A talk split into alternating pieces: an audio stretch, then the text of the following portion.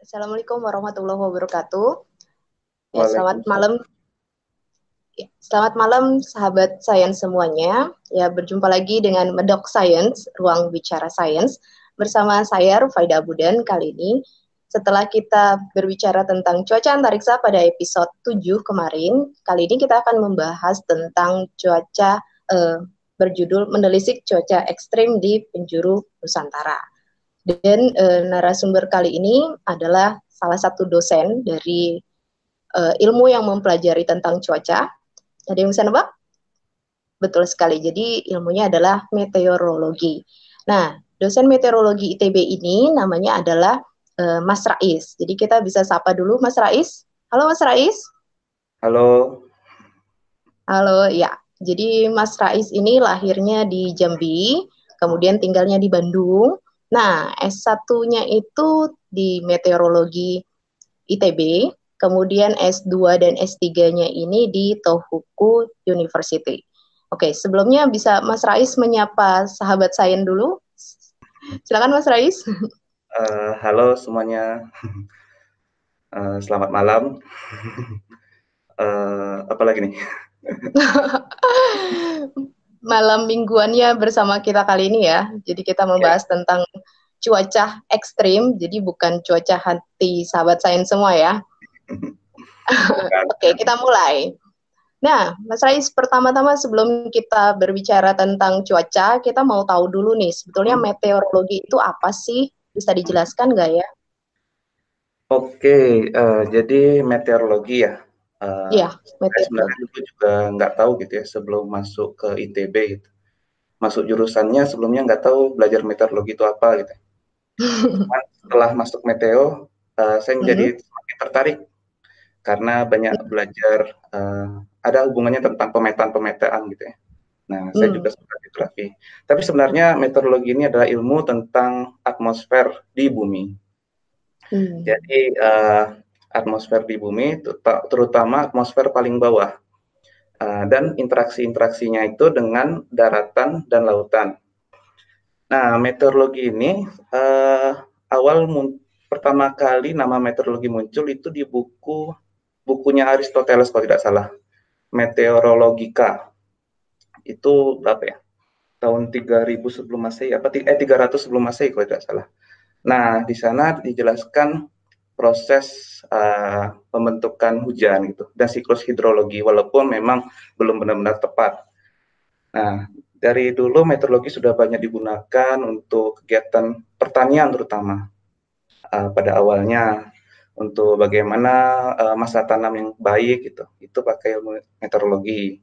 Lalu di zaman penjajahan lah bisa dibilang ilmu meteorologi juga dipakai untuk pelayaran. Jadi kapan uh, anginnya itu yang bagus untuk uh, misalnya dari Inggris ke India gitu ya. Nah itu pakai ilmu meteorologi juga.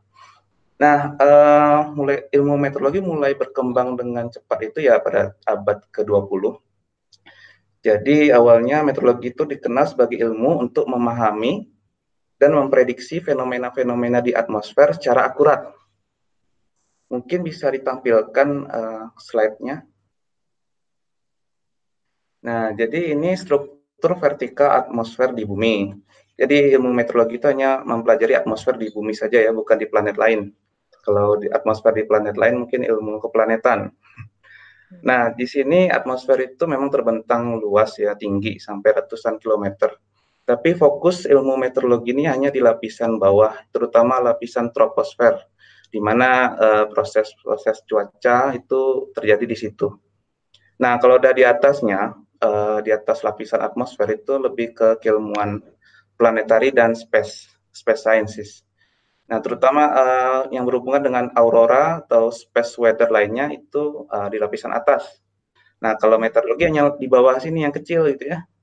Walaupun kecil apa rendah, pendek gitu ya, tapi banyak yang banyak yang dibahas di sini. Nah, mungkin ya sekian saja itu uh, dari meteorologi secara singkat.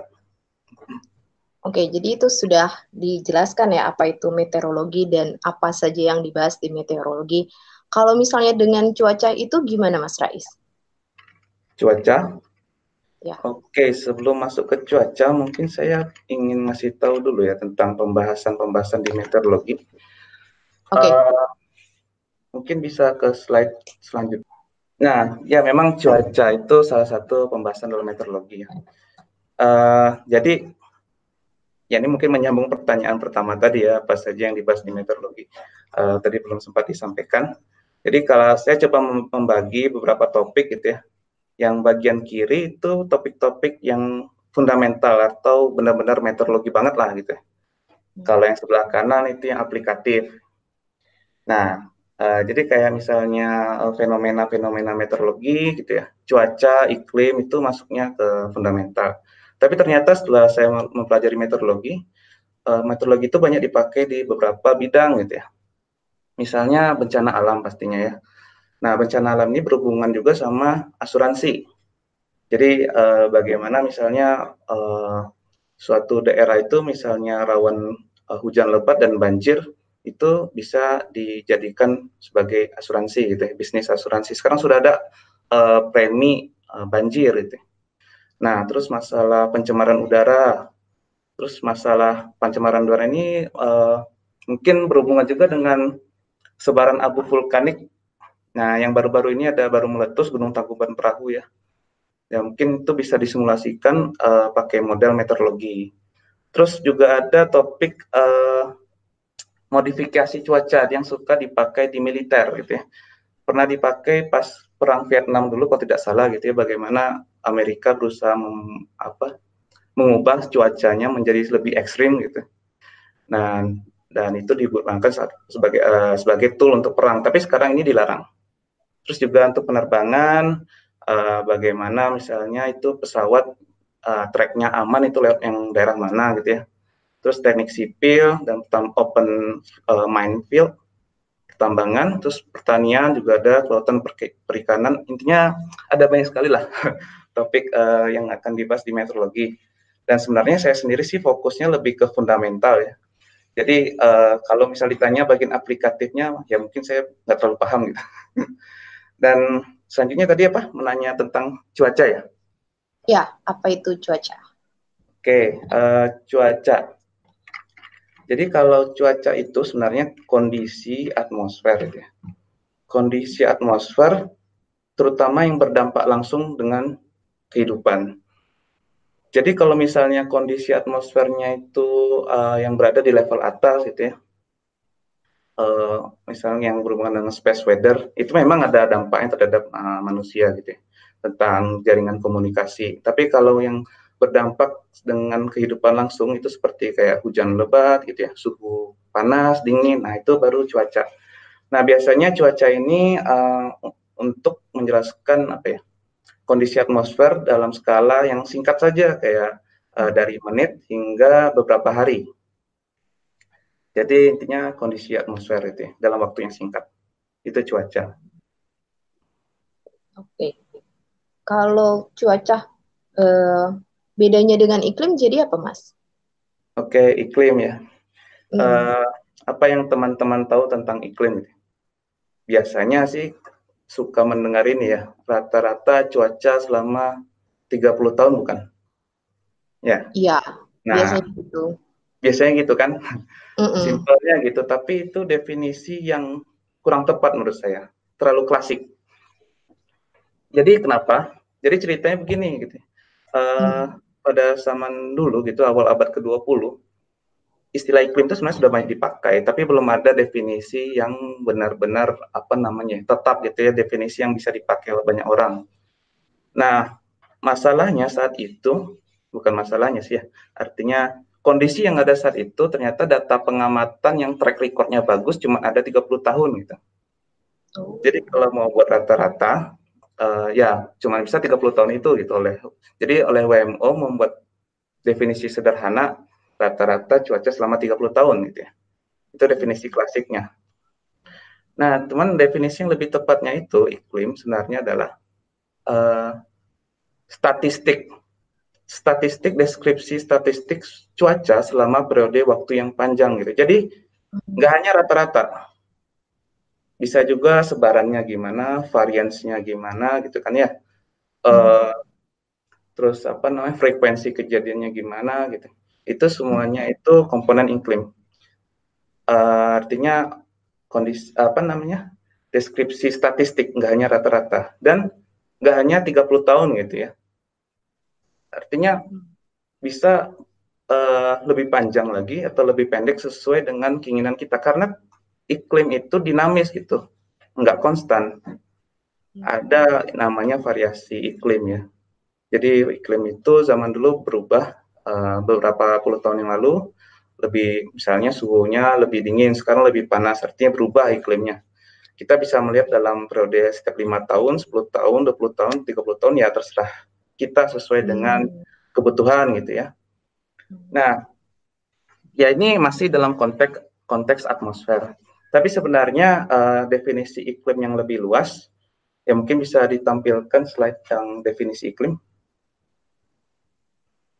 Nah, jadi kalau definisi yang lebih luas itu adalah eh, komponen-komponen iklim yang berubah dalam waktu yang panjang gitu. Nah, apa saja sih komponen iklim ini? Termasuk salah satunya atmosfer. Terus hidrosfer, hidrosfer berarti uh, berkaitan dengan air, sungai gitu ya, danau, laut. Kriosfer berkaitan dengan es dan glasier. Terus ada litosfer, uh, bumi tanah ini, dan biosfer kehidupan gitu ya. Dan yang penting adalah interaksi antar uh, sesamanya. Jadi iklim itu multidisiplin sebenarnya gitu ya. Pembahasan iklim ini sekarang menjadi topik yang multidisiplin. Artinya uh, ya mungkin banyak mendengar gitu ya uh, pusat uh, analisis iklim gitu ya. Artinya an analisis uh, misalnya perubahan uh, apa nama itu kesuburan laut artinya tingkat uh, kesub, uh, banyaknya ikan di suatu daerah misalnya itu dari segi biologi dari segi biologi kelautannya itu bisa dianalisis tentang uh, iklimnya gitu ya variasi iklimnya jadi mungkin itu dipengaruhi oleh temperaturnya yang berubah gitu ya nah jadi itu uh, uh, iklim gitu definisinya lebih hmm. luas oh gitu Sekian. jadi biasanya hmm. kalau misalnya tadi kan disebutnya skalanya panjang tuh Hmm. Jadi emang biasanya orang pakai 30 tahun atau emang tergantung kebutuhan dari si orang yang menggunakan? Ya, uh, kalau misalnya mau menjelaskan rata-rata cuaca uh, rata-rata cuaca atau atmosfer kondisi atmosfer yang jang, dalam jangka waktu yang lama, ya mungkin hmm. bisa dipakai 30 tahunnya gitu ya. Tapi kalau hmm. analisis variabilitasnya, variasinya gitu ya, uh, itu ya harus memakai waktu yang lebih pendek lagi mungkin tergantung oh. fenomena apa yang mau dikaji gitu. Kadang hmm. fenomena atmosfer ini ada skalanya itu uh, dua tahun gitu ya. Yang fenomena iklim maksudnya skala. Terus ada yang dekadal gitu 10 tahun atau lebih. Jadi itu tergantung kebutuhan juga sebenarnya. Terus tergantung data juga. Jadi kalau misalnya hmm. kita mau meneliti, membuat uh, publikasi ilmiah, misalnya data yang ada hanya belasan tahun, ya mungkin nggak apa-apa gitu karena hanya ada data itu tapi setidaknya ada informasi yang bisa digali dari data yang lebih singkat ini gitu. Hmm. Hmm, Oke, okay. kalau tadi kan kita ngomong iklim ya, jadi skalanya tuh uh, panjang. Beda dengan cuaca, cuaca hati manusia gitu ya.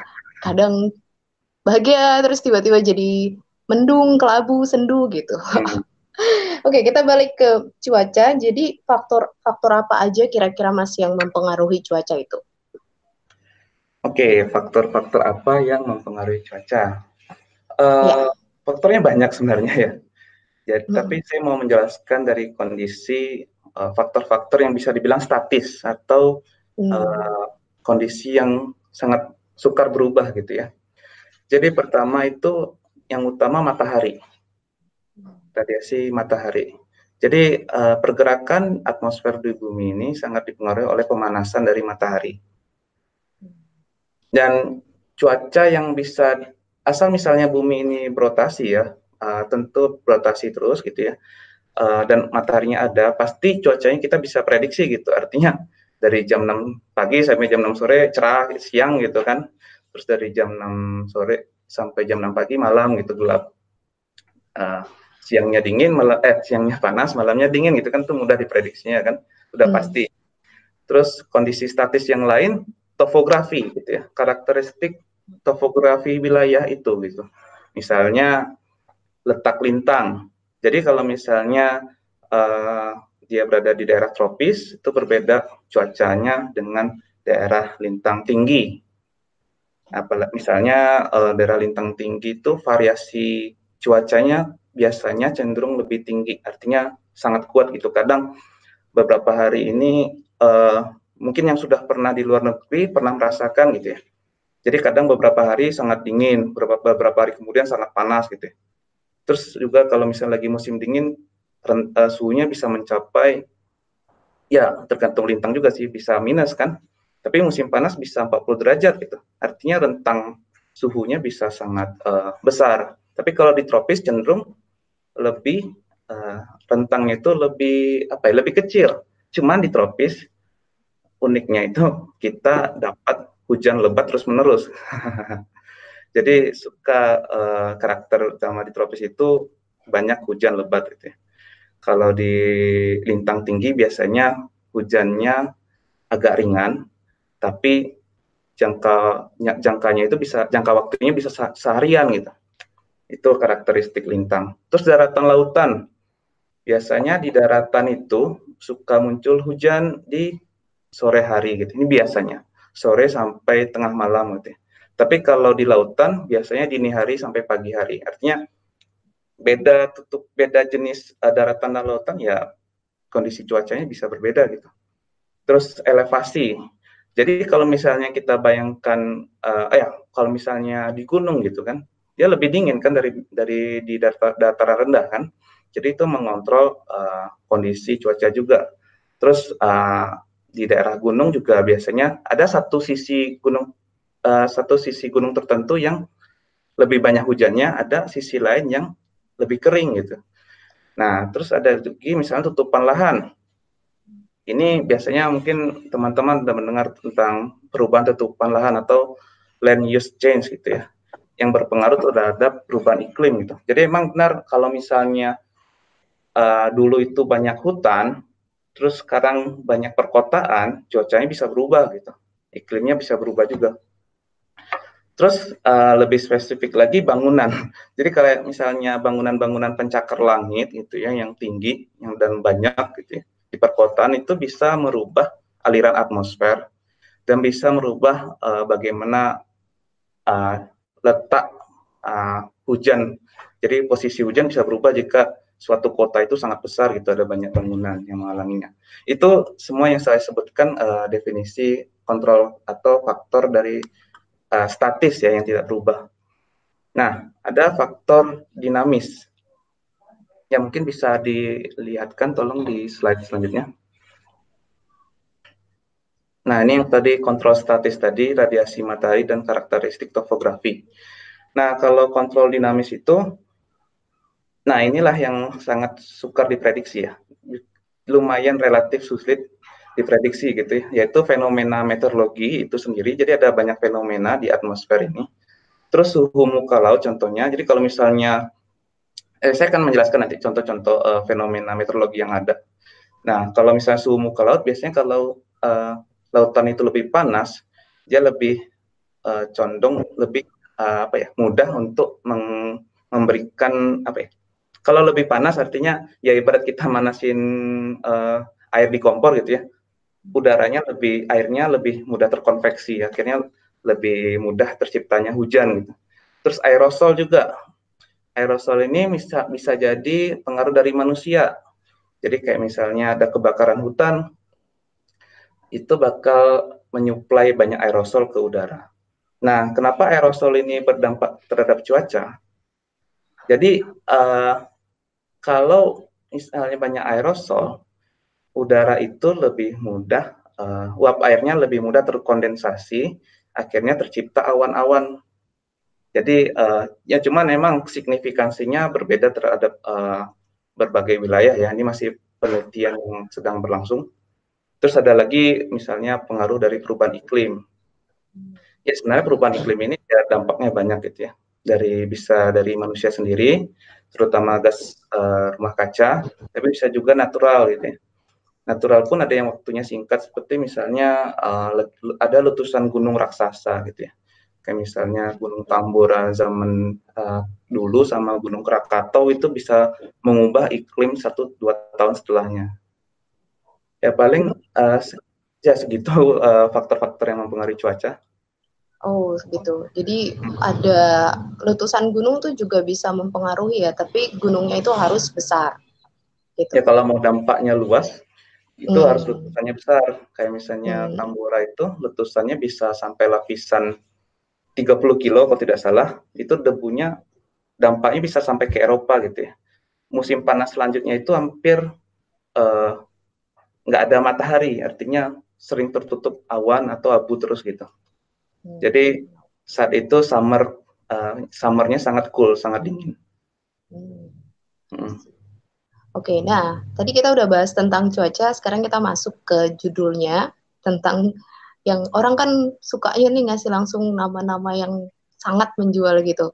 Dan hmm. belakangan ini kita dengar berita-berita tuh orang ngebahas tentang cuaca ekstrim, cuaca ekstrim gitu. Sebetulnya bisa dijelaskan Mas yang dimaksud dengan cuaca ekstrim itu sebetulnya apa sih? Ya, oke kita masuk ke topik utama ya, cuaca ekstrim. Ya, cuaca ekstrim. Nah, cuaca ingin, ekstrim.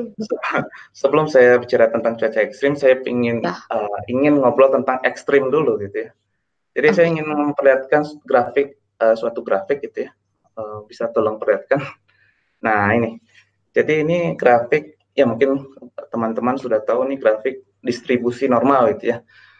Nah, distribusi normal ini merepresentasikan sebaran dari suatu parameter misalnya temperatur, katakanlah temperatur gitu ya. Jadi eh, frekuensi kejadian kalau misalnya new itu kan rata-rata ya. Kalau misalnya hmm. sigma itu standar deviasi.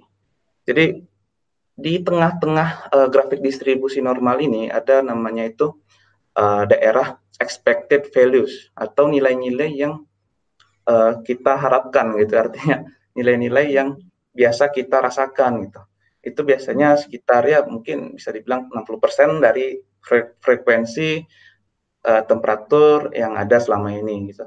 Nah, biasanya nilai-nilai yang biasa ini, nilai-nilai expected ini itu dampaknya tidak ada ya, apa kerugiannya itu tidak ada, bisa dibilang bisa dihiraukan itu. Nah, kita geser ke sisi sebelah kanan dan kiri gitu ya, temperaturnya lebih hangat dan lebih dingin lagi.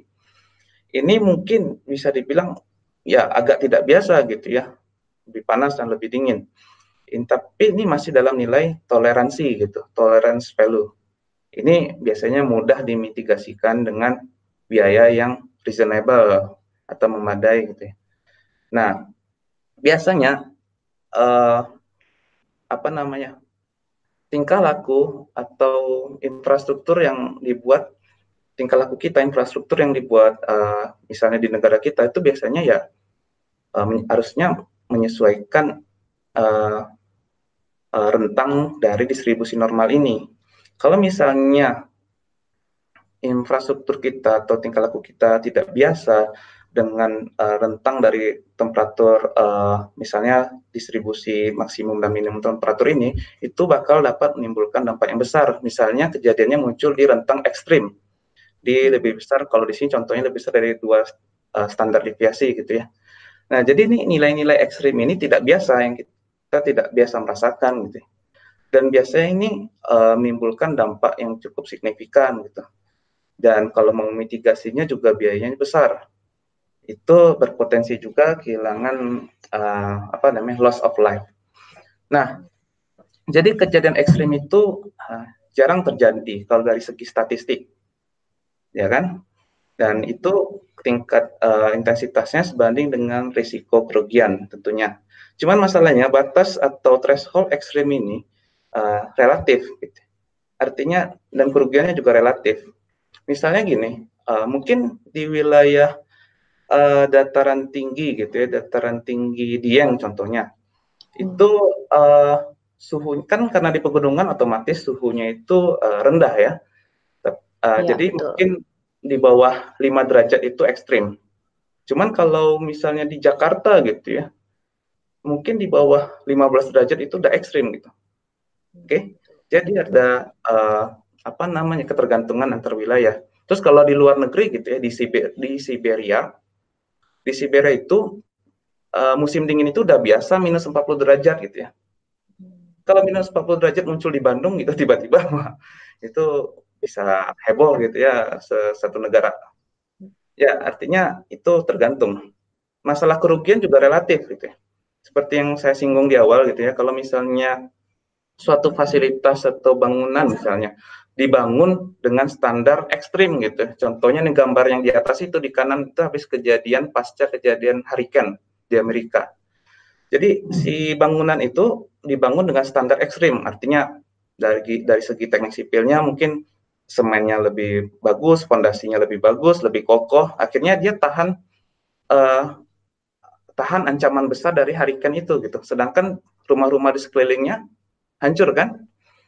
Nah, itu hmm. salah satu apa ya contoh kerugian itu juga relatif itu tergantung kemampuan kita untuk uh, apa namanya ya menghadapi kejadian ekstrim ini gitu. Nah, terus saya ingin lanjut ke cuaca ekstrim. Uh, ya, ini uh, jadi tidak hanya temperatur gitu ya, jadi bisa bisa saja hujan, angin dan macam-macam. Cuman uh, definisi cuaca ekstrim sendiri sebenarnya ada beberapa pendekatan gitu. Jadi pertama pendekatan dari fenomena meteorologinya, lalu pendekatan dari parameter meteorologinya, baru yang ketiga itu pendekatan ke dampak ke lingkungannya. Jadi kalau misalnya ada baca berita uh, cuaca ekstrim suhu dingin gitu ya, itu sebenarnya dari segi parameternya. Atau misalnya ada fenomena heat wave gelombang panas atau tornado atau siklon tropis atau thunderstorm atau badai badai gitu hujan badai itu fenomenanya. Nah, jadi awalnya itu dari fenomenanya ini. Jadi uh, fenomena-fenomena meteorologi ini muncul lalu dia meng, apa namanya mengubah parameter meteorologinya, misalnya temperaturnya jadi lebih panas, lebih dingin, hujannya jadi makin lebat, anginnya makin kencang misalnya Ah, terus misalnya udara yang makin kering, terus misalnya bisa juga hujan es gitu ya, dan lain-lain. Dan baru akhirnya kedampaknya banjir, longsor, terus ada lagi gelombang tinggi di lautan karena itu dipengaruhi oleh angin, terus ada lagi kekeringan yang akhirnya mungkin bisa menyebabkan apa kebakaran hutan gitu ya. Terus ada lagi smog. Pernah dengar istilah smog? Smog uh, yang kayak asap-asap kebakaran kalau kita bakar sampah gitu kan? Pakai G nih smoke gitu ya. Smoke. ya ini smoke. Nah smoke itu smoke plus fog gitu ya artinya oh. uh, asap ditambah kabut. Fog fog itu kan hmm. uh, kejadian alami yang biasa nampak misalnya di pegunungan gitu ya uh, pagi-pagi hari. Jadi itu sebenarnya awan tapi di dekat permukaan. Karena uh, fog itu banyak uh, apa namanya titik-titik air di udara ya. Kalau misalnya lagi ada banyak polusi gitu, uh, mungkin ada proses-proses kimia yang membuat udara itu lebih uh, berbahaya gitu ya. Dan akan mungkin nanti saya akan cerita lebih banyak di smoke ini. Artinya uh, fenomena tertentu itu mengendalikan suatu parameter. Namun, nah di sini saya kasih uh, garis apa namanya garis putus-putus panah dari parameter ke dampak gitu. Ya. Nah ini artinya tidak semua parameter ekstrim ini menghasilkan uh, dampak yang tertentu juga. Artinya itu ya seperti yang saya singgung di, di awal itu tergantung dari kesiapsiagaan kita dalam uh, menghadapi parameter ekstrim ini. Gitu. Jadi uh, ya itu mungkin dari segi fenomena parameter dan dampaknya. Terus ada juga sebenarnya definisi cuaca ekstrim dari uh, World Meteorological Organization atau WMO. Mungkin bisa dilihat di slide sebelahnya. Nah, di sini uh, dari WMO yaitu atau World Meteorological Organization. Jadi cuaca ekstrim atau ik iklim ekstrim itu termasuk namun tidak terbatas juga ya. Uh, itu ada gelombang panas, terus ada gelombang dingin, banjir, terus ada hujan lebat, kekeringan, tornado, dan siklon tropis. Namun ya ini tidak terbatas, artinya uh, bisa fenomena-fenomena lain atau event-event lain. Dan itu mengakibatkan uh, dampak yang besar ke hancurnya infrastruktur, ekonomi, kesehatan gitu ya, mempengaruhi ekonomi, kesehatan, dan juga mungkin menyebabkan uh, korban jiwa. Nah, di sini WMO menuliskan cuaca ekstrim itu dapat didefinisikan sebagai fenomena meteor meteorologinya, parameter meteorologinya, dan dampak lingkungannya. Jadi mungkin bisa ketiganya gitu dalam men, uh, mendefinisikan cuaca ekstrim. Ya, jadi uh, ya ini kalau dari pendekatan dari WMO. Ya mungkin segitu dari saya tentang cuaca ekstrim definisinya. Oke, okay. jadi sebetulnya itu cuaca ekstrimnya itu karena dia di luar dari rata-rata gitu ya? termasuk iya, dari tadi kan ada gitu. Mm -mm, ada fenomenanya, terus parameternya dan dampaknya. Iya. Oke, okay. kalau misalnya faktor yang mempengaruhi cuaca ekstrim itu gimana, Mas Rais? Faktor yang mempengaruhi cuaca ekstrim. Hmm. Nah, oke okay, mungkin tadi saya sempat singgung di awalnya faktor yang mempengaruhi cuaca ya. Ya. Jadi ada kondisi statisnya. Ya kalau kondisi hmm. statis itu ya uh, seperti misalnya karakter wilayah gitu ya, topografi wilayah itu juga berpengaruh sebenarnya. Artinya ada daerah-daerah yang rentan cuaca ekstrim gitu. Hmm. Nah, uh, ada juga uh, itu pengaruh dari statis ya. Kalau misalnya kontrol hmm. dinamisnya tentu fenomena-fenomena meteorologi ini gitu. Nah, gangguan cuaca bisa dibilang gitu. Kalau di kita di lingkungan meteo kita bilangnya disturbance, adanya hmm. weather disturbance. Hmm. Jadi adanya gangguan cuaca. Nah, gangguan cuaca ini bisa diinisiasi oleh fenomena-fenomena meteorologi yang tadi sebelumnya itu gitu. Jadi inisiasinya fenomena itu gitu. Nah, kalau fenomena yang cukup signifikan dan akhirnya mengubah parameter meteorologinya itu jadi lebih ekstrim tinggi atau ekstrim rendah, akhirnya bisa menghasilkan dampak yang signifikan. Ya mungkin uh, biar bisa lebih jelas gitu ya, artinya uh, pengaruh atau faktor-faktor yang mempengaruhi cuaca ekstrim itu beda-beda tiap kejadiannya gitu. Artinya kalau hujan lebat, faktor yang mempengaruhinya prosesnya berbeda dengan misalnya suhu dingin gitu. Hmm. Ya mungkin bisa jelaskan nanti kalau mau lihat contoh-contohnya. Oke. Okay. Ini kita boleh bahas dulu pertanyaan dari sahabat sains, Mas Rais? Oh, boleh. Boleh. Ya, kita sapa dulu ada Lis Sulistiawati. Halo Lis Sulistiawati. Dia tanya, kalau cuaca ekstrim ini ada hubungannya dengan global warming kah? Apa malah global warmingnya sendiri juga tidak ada? Seperti itu Oke. pertanyaannya. Mau langsung saya jawab sekarang? Ya, kita ada beberapa pertanyaan, dijawab langsung aja Mas Rais. Ada pengaruhnya. Jadi hmm. uh, yang tadi saya sempat singgung di awal ya, definisi iklim itu sendiri kan deskripsi statistik suatu uh, kondisi atmosfer suatu daerah. Hmm. Uh, jadi bisa saja deskripsi statistiknya ini berubah gitu. Jadinya cuaca ekstrimnya berubah juga. Artinya gini, uh, masih ingat distribusi kurva distribusi normal yang tadi? Iya. Nah, seperti lonceng. Nah, itu uh, jika misalnya ada perubahan iklim, mungkin bisa langsung slide ke 21 aja. Kita tolong. Nah, uh, jadi begini. Ada perubahan-perubahan uh, apa namanya ya distribusi kalau misalnya iklimnya berubah gitu. Nah, misalnya gini, ada beberapa kemungkinan. Kalau misalnya kemungkinan pertama gitu, kemungkinan pertama ini rata-ratanya berubah. Rata-ratanya naik misalnya, tapi bentuk distribusinya masih sama. Uh, misalnya ini masih temperatur ya. Artinya kalau dia geser ke kanan, uh, batas threshold ekstrim yang tahun 30 tahun lalu itu menjadi hal yang biasa sekarang, ya kan? Dan mungkin kalau terus konstan peningkatan rata-ratanya di 30 tahun lagi, uh, kondisi ekstrim yang zaman dulu mungkin jadi bisa nilai rata-rata di masa depan gitu. Ya tentu berubah kan. Nah, kalau misalnya kondisi uh, kita biologis kita gitu tidak mampu beradaptasi terhadap perubahan ini, ya mungkin kita bisa bakal apa ya namanya, ya ya meninggal gitu semuanya gitu kalau kuat gitu ya. Nah, cuman ada ada kemungkinan lain dan ini memang terbukti. Artinya nggak semua wilayah di dunia itu polanya kemungkinan satu. Ada juga kemungkinan dua. Nah, kalau kemungkinan dua ini uh, grafiknya itu apa ya? Jadi variansnya itu makin lebar, makin besar. Artinya range uh, maksimum minimumnya itu makin lebar.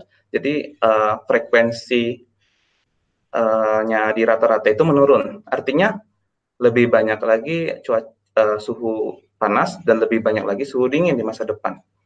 Dan ada lagi kemungkinan tiga, ya, jadi ada perubahan di rata-rata dan variansnya. Terus ada lagi kemungkinan empat, hmm. yang ya simetrinya itu berubah gitu, condong begitu. Ya cuman ini contoh dari temperatur.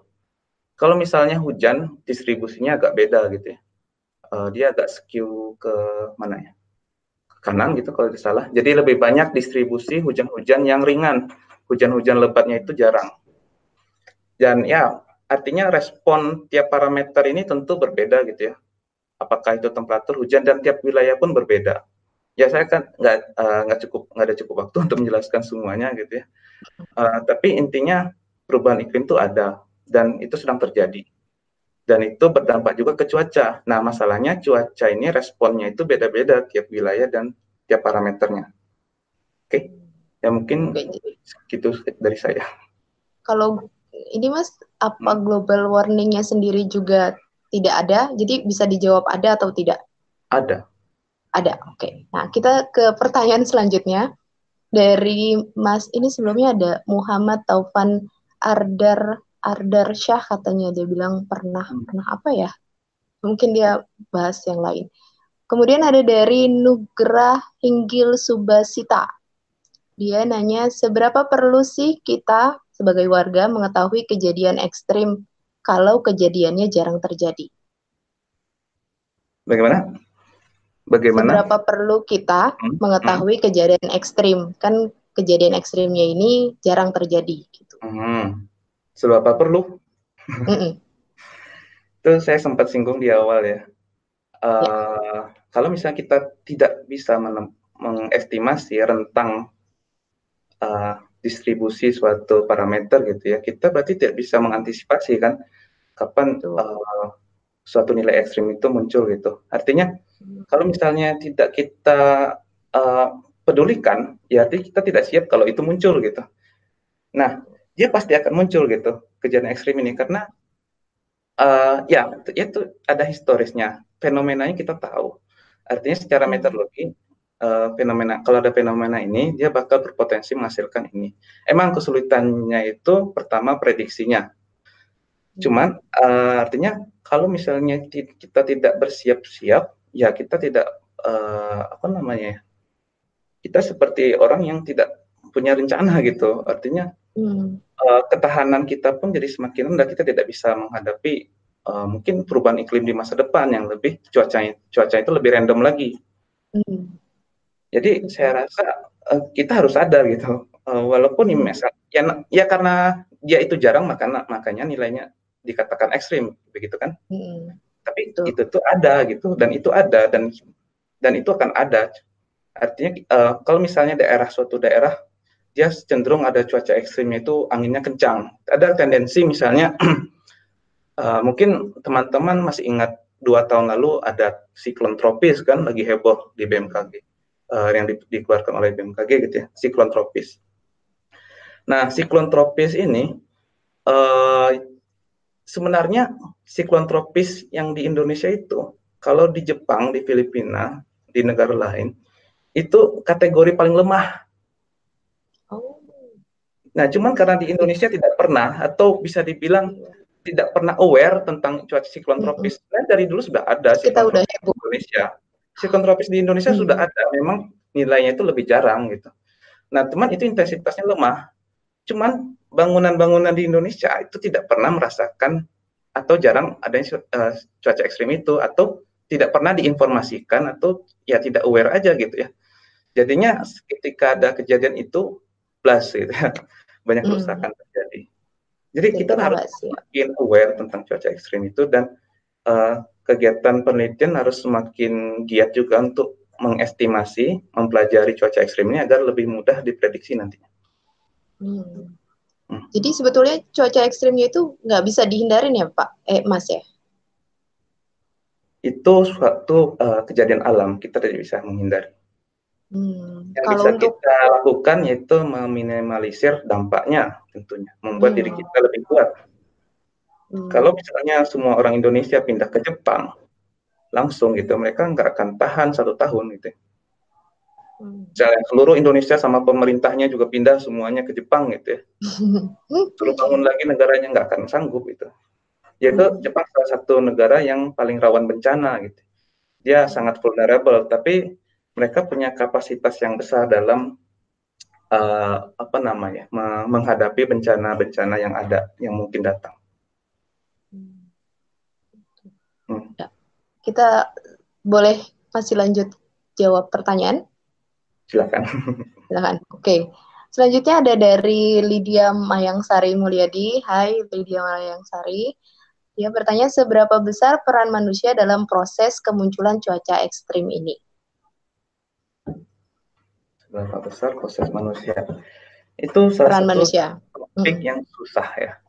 Tapi hmm. ada manusia itu ada dampaknya. Ada uh, perannya itu ada. Cuman saya lebih ke peran perubahan cuaca ekstrim dalam jangka waktu yang panjang. Artinya, uh, ya perubahan statistik cuaca ekstrim ini dalam jangka waktu yang agak panjang. Tidak bisa misalnya kita melakukan suatu aktivitas yang sangat parah gitu ya, terus besoknya hujan lebat gitu, enggak seperti itu gitu. Jadi uh, peran manusia pertama dari sisi uh, pemanasan global gitu ya. Hmm. Dan kalau misalnya bumi makin panas itu, dan itu sudah terbukti gitu. Uh, artinya dalam dari segi fisiknya, jika kita melakukan perhitungan gitu ya, kalau misalnya CO2-nya itu tidak kita masukkan, itu uh, temperatur itu nggak naik temperatur bumi. Tapi kalau kita CO2-nya masukkan, temperaturnya itu setara dengan pengamatan. Nah, hmm. apa konsekuensi uh, atmosfer yang semakin panas? Banyak sebenarnya ya. Uh, memang rata-rata seluruh bumi panas, tapi saya sempat bilang di awal, uh, tidak semua daerah itu responnya itu sama ke pemanasan global. Ada yang sangat panas, ada yang panasnya nggak terlalu, uh, ini rata-rata ya, masih rata-rata, tidak terlalu tinggi, ada yang daerahnya malah dingin. Ada satu daerah itu di Atlantik Utara trennya atau tren statistiknya itu temperaturnya menurun gitu. Nah, cuman ke, ke rata-ratanya itu makin panas, terutama di uh, kutub utara gitu. Oke, terus lanjut ke misalnya konsekuensi semakin panas ini berarti kalau misalnya atmosfer semakin panas secara fisika, itu mampu menopang uap air semakin banyak. Kalau uap air semakin banyak, ya mungkin probabilitas hujan itu semakin tinggi dan tentunya akhirnya berdampak terhadap fre frekuensi kejadian cuaca ekstrim, betul kan? Nah, itu salah satu uh, misalnya bisa dibilang dampak dari perubahan iklim akibat misalnya manusia tadi semakin panas. Dampak dari manusia lain yaitu misalnya perubahan tutupan lahan gitu ya. Urban uh, peluasan perkotaan, perkotaannya semakin luas. Ini ada misalnya cabang keilmuannya tersendiri yaitu urban climate namanya. Jadi uh, iklim perkotaan itu bisa berubah dan akhirnya cuacanya itu bisa berubah juga gitu. Misalnya ya ada angin datang dari sini, terus di sini banyak gedung-gedung tinggi dibikin. Akhirnya uh, gerakan udara di setelah gedung itu pun akan berubah gitu. Dan mungkin uh, uh, apa namanya lokasi hujannya pun bisa berubah. Cuman ya memang untuk uh, secara detailnya itu harus diteliti. Cuman uh, sudah ada penelitian tentang itu di banyak uh, negara lain. Di Indonesia pun sedang diteliti juga saya pikir. Cuman ya saya bukan fokus ke situ, jadi saya nggak bisa bahas ngasih banyak data. hmm. uh, ya itu uh, dua contoh lah tentang dampak manusia Oke. Okay. Hmm. Jadi seperti itu ya sahabat sains. Jadi kelakuan kita, perilaku kita tuh itu juga sangat mempengaruhi bukan cuaca langsung tapi yang tadi uh, Mas Rais bilang itu lebih ke arah iklim begitu ya Mas ya. Oh, ada satu lagi saya kelupaan. Uh, oh iya, silakan Mas. Singkat aerosol gitu ya. Hmm. Kalau misalnya ada kebakaran hutan yang misalnya itu karena ketidaksengajaan manusia atau sengaja kan itu bakal hmm. mengeluarkan banyak asap dan Betul. itu uh, kejadian di Sumatera uh, sama Kalimantan dulu ya. Hmm. Ya mungkin uh, kalau misalnya saat itu lagi banyak uap air, itu hujannya uh, cenderung lebih cepat tumbuh gitu. Kalau ada aerosol itu dan ya artinya uh, uh, manusia juga bisa mengakibatkan dampak yang cepat. Contohnya itu. Oh. Dan kalau misalnya kita ngasih uh, apa namanya udara itu kotoran-kotoran, polusi, itu bas, bisa menimbulkan hujan asam yang cukup berbahaya terhadap kesehatan. Jadi ya kita harus hati-hati juga dan setiap uh, harusnya setiap industri juga sudah punya standar gitu ya tentang apa saja batas-batas yang aman untuk diemisikan ke udara. Cuman kejadian memang uh, terutama pas zaman revolusi industri dulu, ya ada banyak kejadian hujan asam yang berdampak banyak gitu ya, nggak hanya ke manusia tapi ke infrastruktur juga. Hmm. Ya segitu deh sih. Oke, jadi sudah cukup jelas ya dijelaskan oleh Mas Rais tentang apa akibat dari perilaku manusia terhadap uh, cuaca jangka pendek dan dalam uh, jangka panjang. Oke, kita balik ke bahasan kita Mas tentang uh, cuaca ekstrim ini. Jadi kita hmm. belum berbicara tentang mitigasi dan evakuasinya ya?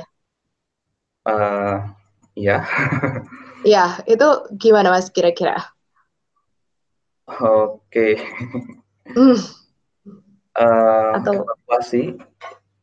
Hmm. Ya mungkin atau, ya. atau langkah ininya ya, langkah mitigasinya gitu ya. Ya, dan kira-kira apa yang masyarakat bisa lakukan gitu? Oke, okay, uh, jadi itu sebenarnya tergantung dari jenis cuaca ekstrimnya itu. Ya kalau misalnya uh, hujan lebat gitu ya, ya sebenarnya hujan lebat ini sih kalau saya bilang ya bukan kejadian ekstrim gitu, ini kejadian umum di tropis. Mm. Ya, ya sering kan banjir juga di mana-mana seringnya. Hmm. Uh, cuman memang kalau sudah banjir hujannya sangat lebat sekali ya itu banjirnya besar.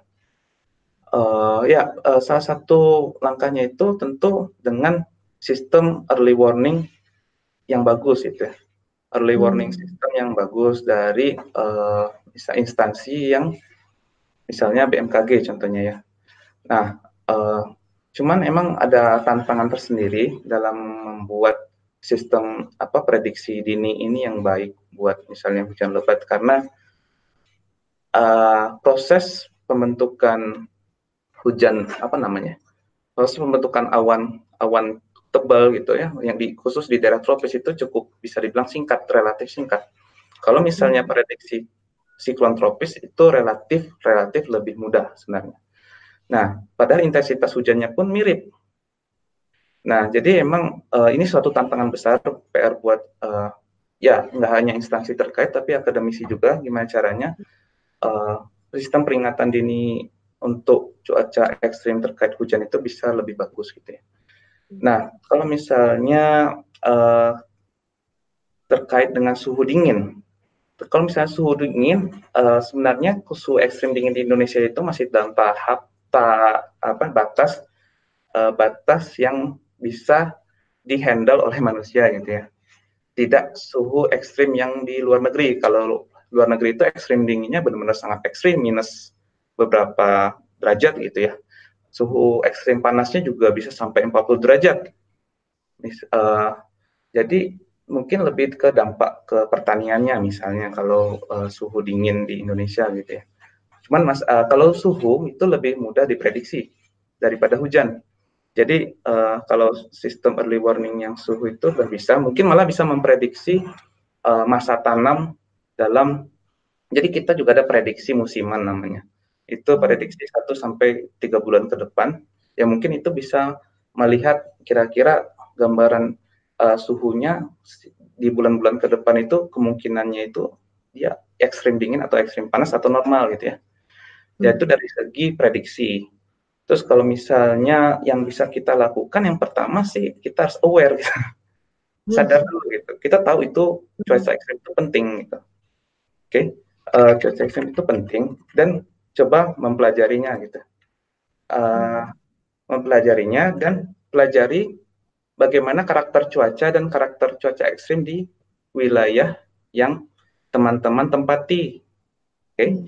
jadi misalnya buat teman-teman yang tinggal di Bandung, bagaimana karakter cuaca dan iklim di Bandung gitu ya. Bagi kalau yang mau berpergian dalam waktu lama ke Dieng gitu, pelajarilah cuaca hmm. karakter cuaca di sana gitu. Kalau mau pindah ke misalnya ke Biak di Papua, di pulau gitu ya, pelajari bagaimana kondisi cuaca di sana. Kalau tidak salah di Biak itu cukup unik juga karena dia topografinya itu berada di teluk raksasa, di teluk besar di Papua itu ya. Jadi cenderung hmm. kalau ada uh, pertemuan angin gitu ya antara di teluk itu itu bisa menimbulkan hujan yang banyak gitu ya, lebih basah di daerah sana. Ya kalau misalnya cenderung dingin ya coba uh, adaptasi gitu ya pakai jaket yang tebal, jangan bepergian keluar uh, dingin dingin gitu ya. Mungkin yang sudah pernah tinggal di luar negeri sudah tahu ya uh, bagaimana mengantisipasi uh, cuaca dingin. Soalnya ada musim dingin, musim panas. Jadi uh, kita tahu kalau musim dingin nggak boleh uh, ada kulit kita yang terbuka gitu ya. Kalau bisa ditutup semua. Tidak harus tebal tapi tertutup gitu. Misalnya kalau uh, suhu dingin kalau di Indonesia musim itu bukan musim panas musim, musim dingin, tapi uh, musim kemarau kering atau kering dan musim uh, hujan. Dan memang kalau musim kemarau, terutama di Pulau Jawa, itu uh, lebih mudah mungkinnya munculnya suhu dingin. Ya sebenarnya saya sempat baca koran gitu ya kemarin kemarau kok dingin gitu judulnya. itu clickbait nah, banget ya kemarau itu uh, potensi dinginnya itu tinggi sebenarnya. Dan mungkin kalau misalnya teman-teman rasa uh, lebih banyak uh, lebih sering suhu dingin sekarang, ya mungkin pertama itu pertama akses koneksi sekarang ini kita itu semakin terkoneksi gitu. Artinya semakin banyak laporan-laporan cuaca ekstrim gitu mungkin dulu juga udah ada di yang itu uh, sering cuaca ekstrim gitu, sering ada hmm. di bawah nol, tapi nggak terlaporkan kan. Jadi Betul. ya bagusnya sih sebenarnya orang jadi semakin uh, aware gitu ya. Cuman kadang berlebihan gitu. Oh ini pemanasan hmm. global dan apa gitu. Ya. Sebenarnya itu harus diteliti lagi lebih lanjut sih. Terus sampai-sampai ada yang bilang apa apelion gitu ya matahari hmm. lebih jauh dari bumi. Ya itu saya sangat menyayangkan itu ya. Artinya kalau bisa kita jangan langsung spekulasi gitu ya. Oh itu karena ini, jangan main cocokologi gitu kalau saya kalau rekan saya bilang gitu ya, di lapan itu. Oh kebetulan hari ini ding, dingin, kebetulan juga itu uh, lagi ada jualan gorengan di sana gitu ya. Nah, cocokologi. Oh, ya, jangan seperti itu. Uh, coba kita lebih aware dan belajar lagi, mencoba mempelajarinya ya kalau kita sudah mengerti dan sudah paham karakter uh, cuaca di wilayah itu mungkin kita bisa lebih siap menghadapinya. Ya untuk aplikasinya di berbagai sektor tentunya ada pembahasan tersendiri gitu ya, bagaimana ke kesehatan, pertanian gitu, ya. transportasi ya ada pembahasannya. Hmm. Iya. Paling iya. segitu. Nah, oh. Ya, jadi seperti itu sahabat saya. Nah, kita nanti seperti yang Mas Rais tadi bilang, jadi kita harus aware dulu dengan kondisi lingkungan kita seperti apa. Hmm. Jadi jangan ikut-ikut viral aja, ya kan? Ada ini terus ikutan viral gitu, heboh-heboh. Sebetulnya ada hal yang perlu kita ketahui untuk lebih lanjut, jadi tidak harus ikut langsung heboh dan cocokologi seperti itu. Oke, okay. Mm, Mas Rais masih ada yang ingin dibahas lagi? Ya mungkin uh, ya uh, saya sempat bilang kita harus aware, harus belajar gitu ya. Ya mungkin ya. kita, saya bisa ngasih contoh beberapa, eh masih ada waktu nggak? Masih, masih, masih. Ya mungkin saya bisa ngasih contoh beberapa fenomena cuaca ekstrim di Indonesia yang umum terjadi ya. Ya, silakan. Uh, jadi mungkin bisa langsung ke slide 9 tuh. Jadi ini uh, hujan badai tadi saya sempat bilang uh, di Indonesia daerah tropis itu memang banyak awan konvektif bisa dibilang gitu. Dan kalau hmm. misalnya awannya itu sangat tebal gitu gelap, biasanya pilot-pilot takut itu kan. Nah, itu uh, ciri-ciri thunderstorm. Dan ini sebenarnya akar dari berbagai fenomena-fenomena turunan seperti uh, pertama hujan lebat tentu, terus ada gelombang tinggi atau storm storm surge, terus ada lagi hujan es, petir, uh, terus banjir dampaknya, longsor dampaknya, terus ada angin puting beliung juga. Nah, jadi uh, ya ini ini sebenarnya proses apa ya pembentukan awan gambar ini. Jadi ada satu sisi yaitu uh, menyuplai uap air yang panah warna merah ini menyuplai uap air sehingga bisa terbentuk awan terus-menerus. Tapi di sisi yang lain ada uh, bisa dibilang sisi disipasi dari awan itu gitu. Jadi ada banyak pertama uh, air eh hujan yang deras. Kalau misalnya awannya sangat dinamis, sangat tebal, itu bisa berpotensi hujan es. Jadi sebenarnya di awan yang kita lihat sehari-hari itu ada esnya gitu pasti ada esnya. Asal dia lewat suatu freezing level. Di sini ada freezing level 0 derajat Celcius. Jadi awan itu bisa dalam bentuk butir-butir air atau butir-butir es. Nah, kalau misalnya terjadi banyak pergolakan, esnya bisa semakin bertumbuh kan, semakin besar. Betul. Esnya semakin besar. Jadi pas saat dia turun ke bawah, dia tidak uh, disipasi, tidak menguap, dia bisa sampai ke bawah akhirnya bisa kita terlihat es. Nah, kalau yang hujan awan biasa itu sebenarnya es-esnya itu sudah mencair karena panas. Tapi kalau misalnya kondisinya sangat dingin dan sangat besar esnya, ya itu bisa jadi hujan es. Ya sebenarnya hujan es di Indonesia sih ya bisa saya bilang masih kecil sekali gitu ya. Uh, tidak terlalu uh, berpotensi dampak yang besar. Cuma ya kalau bayangkan saja di luar negeri di Rusia gitu ya, bongkahan esnya bisa sebesar bola kaki. Wow. Ya itu bisa merusak mobil, infrastruktur bisa hmm. menyebabkan kematian. Cuman di, orang-orang di sana sudah aware itu dan sudah ada peringatan hmm. dini Jadi ya kita tidak dengar lagi korban-korban hujan es. Tapi kalau uh, teman-teman penasaran, silakan saja cari di internet itu ya hujan es hmm. di Rusia itu besar-besar ada fotonya. Nah, hmm. terus ada lagi di sisi yang biru ini karena uh, masa awan itu turun ke bawah semuanya disipasi itu bakal menimbulkan angin yang kencang. Nah, angin yang kencang ini itulah bisa berpotensi menjadi puting beliung gitu. Nah, ya emang uh, jadi memang seluruh wilayah Indonesia ini uh, potensi hujan deras ya, thunderstorm. Tapi memang da, uh, hanya ada daerah-daerah tertentu yang yaitu hanya ada di musim tertentu saja yang dominan. Misalnya di Jawa uh, Jawa itu siklus musimannya musim basah musim kering itu cukup signifikan artinya musim basah yang sering terjadi badai berarti ya saat-saat uh, mungkin dari bisa dibilang November sampai Maret tapi mungkin daerah Sumatera bagian utara sana Aceh sama Medan itu berbeda waktunya gitu terus mungkin Sulawesi juga berbeda Ya, artinya coba lihat lagi data meteorologinya gitu ya. Pelajari karakteristik iklim di sana. Terus ada lagi fenomena lain, mungkin bisa next. Nah, ini suhu dingin. Ya mungkin ini yang lagi heboh-hebohnya karena musim kemarau ya. Betul.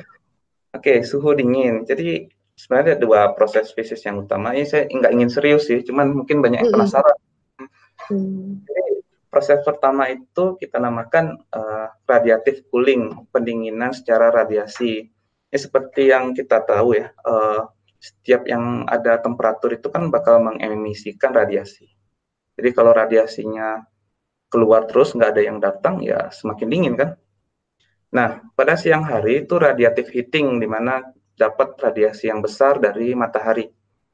Nah, radiasi dari buminya itu kecil, relatif kecil. Akhirnya makanya bumi itu semakin panas pada saat siang, hari. Nah, kejadian ekstrim uh, suhu dingin ini kan banyak munculnya pas pagi hari ya. Yang sering ada laporan itu pagi hari, dini hari. Itu karena proses yang terjadi pada malam hari itu gitu. Jadi pada malam hari uh, peman, apa namanya radiasi dari bumi itu apa ya keluar, lari, kabur keluar angkasa akhirnya permukaan bumi semakin dingin. Nah, pendinginan ini semakin kuat jika kondisinya itu cuaca cerah. Kenapa? Cuaca cerah, karena kalau misalnya ada awan di atas itu bakal uh, menutup radiasi yang lari ke, ke angkasa dimantulkan balik ke bumi gitu. Atau proses yang ada di awan itu bisa uh, radiasi awan bisa mengemisi radiasi juga jadi balik ke bawah gitu, balik ke bumi. Jadi bumi itu hangat. Jadi kalau teman-teman rasakan lagi mendung malam-malam itu biasanya hangat. Kalau malam-malam mendung itu biasanya hangat. Nah, terus ada jadi kalau musim kemarau kan relatif cerah ya. Jadi itu makanya lebih proses pendinginan pun lebih cepat. Terus uh, ada lagi uh, pengaruh dari angin. Jadi kalau misalnya anginnya tenang itu suhunya lebih dingin karena uh, uh, proses pencampuran oleh angin itu jadi lebih sedikit. Jadi kalau misalnya ada angin, ya bayangin aja kalau misalnya kita bikin bikin teh pakai masukin gula gitu ya. Kalau misalnya nggak dikocok kan, yang manisnya di bawah aja kan, anggap aja yang itu dingin. Tapi kalau kita kocok-kocok gitu ya, akhirnya manisnya menyebar. Tidak lapisan bawah tidak semanis yang setelah dikocok. Nah itu mirip. Jadi bawah itu dingin, kalau ada angin, jadi ada pencampuran, jadi lebih hangat. Gitu. Jadi kalau lagi tenang anginnya semakin dingin lagi. Terus ada lagi pengaruh penguapan. Kalau misal eh bukan penguapan atau kelembapan kadar uap air di udara. Jadi kalau uap airnya itu banyak, ini berfungsi sebagai uh, penghalang, mirip mirip seperti awan tadi, penghalang radiasi yang lari ke angkasa. Jadi itu kalau banyak penguapan di permukaan, eh banyak kelembapan di permukaan, jadinya semakin hangat. Uh, jadi kalau kering, ya otomatis jadi lebih dingin gitu. Itu uh, proses pertama. Terus ada lagi proses kedua, advective cooling atau perambatan udara dingin dari wilayah lain gitu ya. Terutama kalau di Jawa berarti dari, dari daerah selatan lintang tinggi yang lebih dingin. Ya, cuman uh, ini uh, topik suhu dingin ini ya harus diteliti lagi lebih jauh.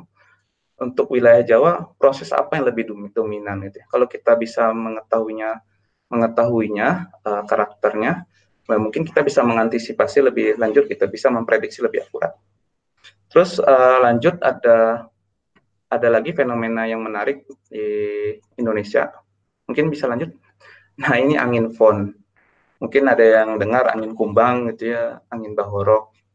Dan angin ini sifatnya kering, kencang gitu ya, dan berbahaya terhadap biasanya perkebunan. Uh, jadi biasanya sih angin ini muncul di daerah yang uh, bayangan hujan, bisa dibilang daerah bayangan hujan, artinya sisi yang kering. Jadi kalau misalnya ada angin, terus ini ada gunung, biasanya sih sisi sebelah uh, yang datangnya menghadap ke arah angin itu bakal tercipta hujan, terbentuk awan. Setelah terbentuknya awan, uap airnya kan diambil. Jadinya setelah melewati gunung, uap airnya nggak ada Nah, pada saat menuruni di gunung, kan tekanan di, di atas, tekanan udara di atas itu lebih rendah. Tekanan di bawah lebih tinggi. Saat dia menurun, udara itu terkompresi.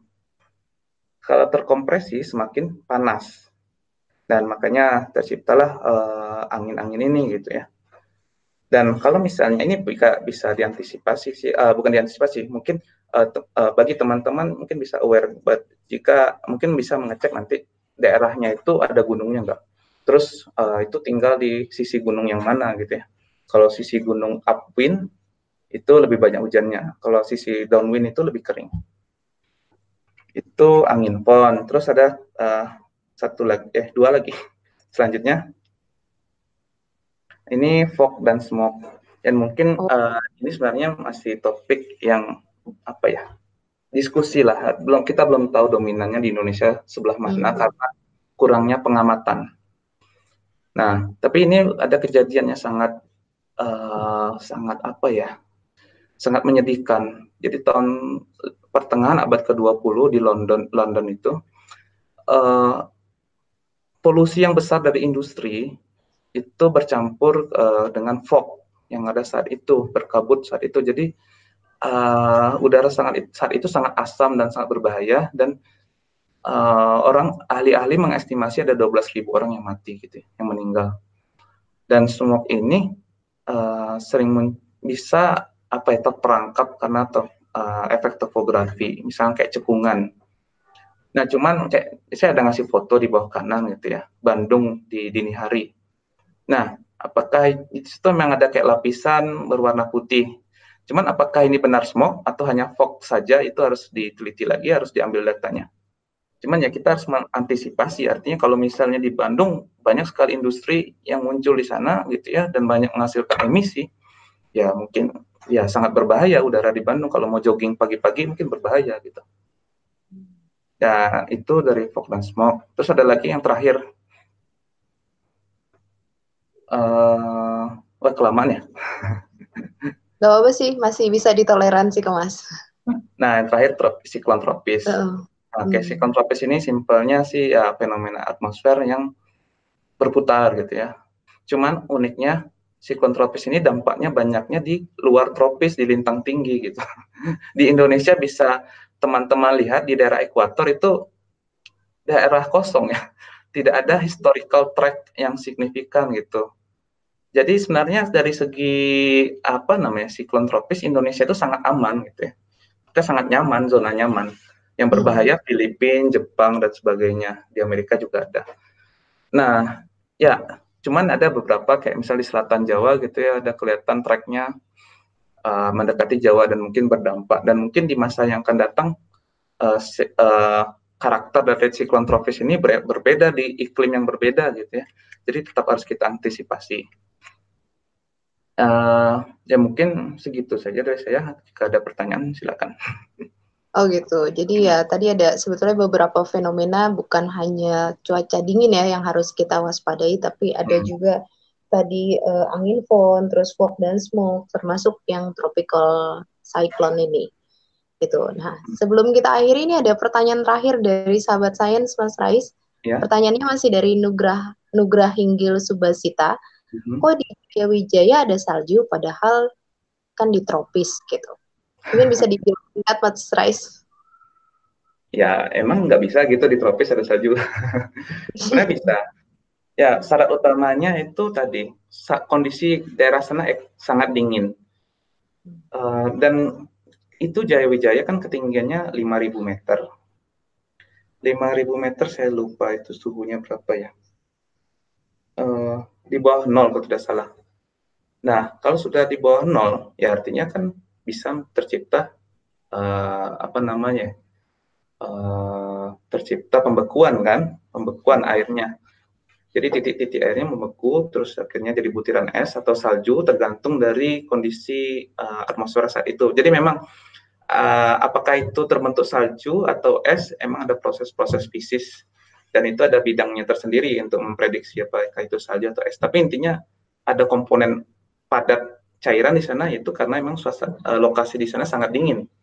Dan itu tidak hanya di Indonesia, di daerah tropis lain di Amerika Selatan, itu di Bolivia misalnya, itu uh, dan Ekuador kalau tidak salah juga ada, itu daerah uh, pegunungan Andes, itu daerah ada titik-titik ekstrim yang ada glasiernya gitu ya.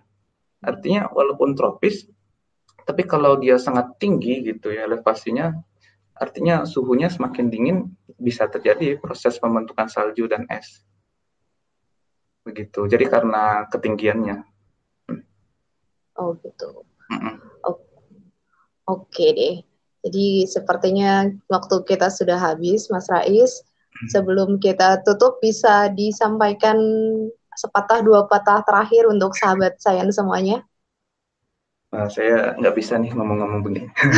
Tapi uh, yang bisa saya sampaikan sih ya ya saya harapkan kita semua semakin aware gitu ya tentang uh, kejadian cuaca terus uh, tentang nggak hanya cuaca tapi iklim juga gitu terus kepada semua yang terlibat di uh, misalnya instansi uh, pemerintahan yang bagian riset atau operasional prediksi cuaca gitu ya ya mungkin uh, agar apa ya lebih semangat gitu ya menginformasikan cuaca dan iklimnya informasi apakah itu dari segi pendidikan atau misalnya dari kualitas uh, informasinya gitu. Akhirnya uh, semua rakyat Indonesia bisa apa bersiap siaga kalau misalnya ada cuaca ekstrim gitu. Dan juga uh, ya saya harapkan juga sebenarnya pemerintah sih mendukung mendukung uh, keilmuan meteorologi ini dengan caranya mereka bisa uh, apa namanya ya uh, bisa menjalankan observasi-observasi meteorologi yang datanya itu bisa kita pakai. Jadi kalau misalnya kita nggak ada data, kurangnya pengamatan, kita nggak bisa menganalisis kondisi cuaca suatu daerah. Jadi semakin banyak data yang ada, titik-titik pengamatan yang ada, ya harapannya ketahanan kapasitas kita dalam menghadapi cuaca ekstrim ini semakin baik gitu. Ya mungkin sekian dari saya. Oke, terima kasih banyak Mas Rais atas uh, informasi yang diberikan, waktu yang diluang, uh, diluangkan, mestinya buat keluarga, bisa buat sahabat sains semuanya. Ya, Oke, terima kasih. Nah, bagaimana sahabat sains sudah jelaskan tentang cuaca ekstrim yang ada di Indonesia dan tadi sudah dibahas sedikit tentang yang ada di luar negeri, contohnya di Rusia. Jadi sekian episode 9 kali ini. Nanti sahabat sains jangan lupa ya untuk di subscribe, terus kemudian ikutin di episode-episode selanjutnya. Nah, jadi sampai di sini di Medok Science, ruang bicara science. Sampai jumpa sahabat science. Salam science. ta